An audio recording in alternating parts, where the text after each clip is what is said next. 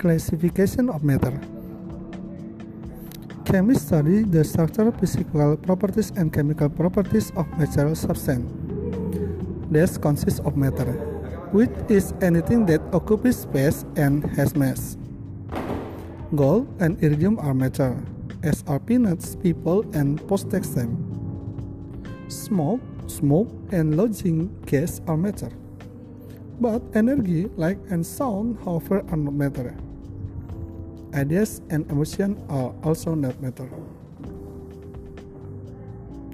Under normal conditions, there are three distinct sets of matter solid, liquid, and gases. Solid are relatively rigid and have fixed shape and volume.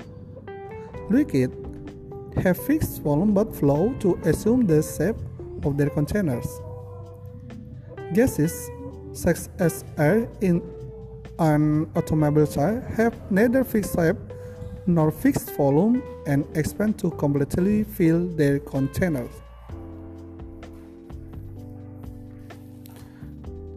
A pure chemical substance is any matter that has a fixed chemical composition and characteristic properties. Oxygen, for example, is a pure chemical substance that is colorless, odorless gas at 25 degrees Celsius. If all portions of material are in the same state, have no visible boundaries, and are uniform throughout, then the material is homogeneous. Examples of homogeneous mixture are the air we breathe and the tap water we drink. Homogeneous mixtures are also called solution. Thus, air is a solution nitrogen, oxygen, water, vapor, carbon dioxide, and several other gases. If the composition of material is not completely uniform, then it is heterogeneous. For example, chocolate chip, cookie dough, blue cheese, and dirt.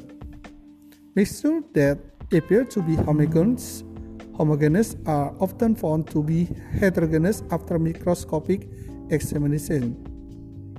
The components of heterogeneous mixtures can usually be separated by simple means like distillation, crystallization, or uh, filtration.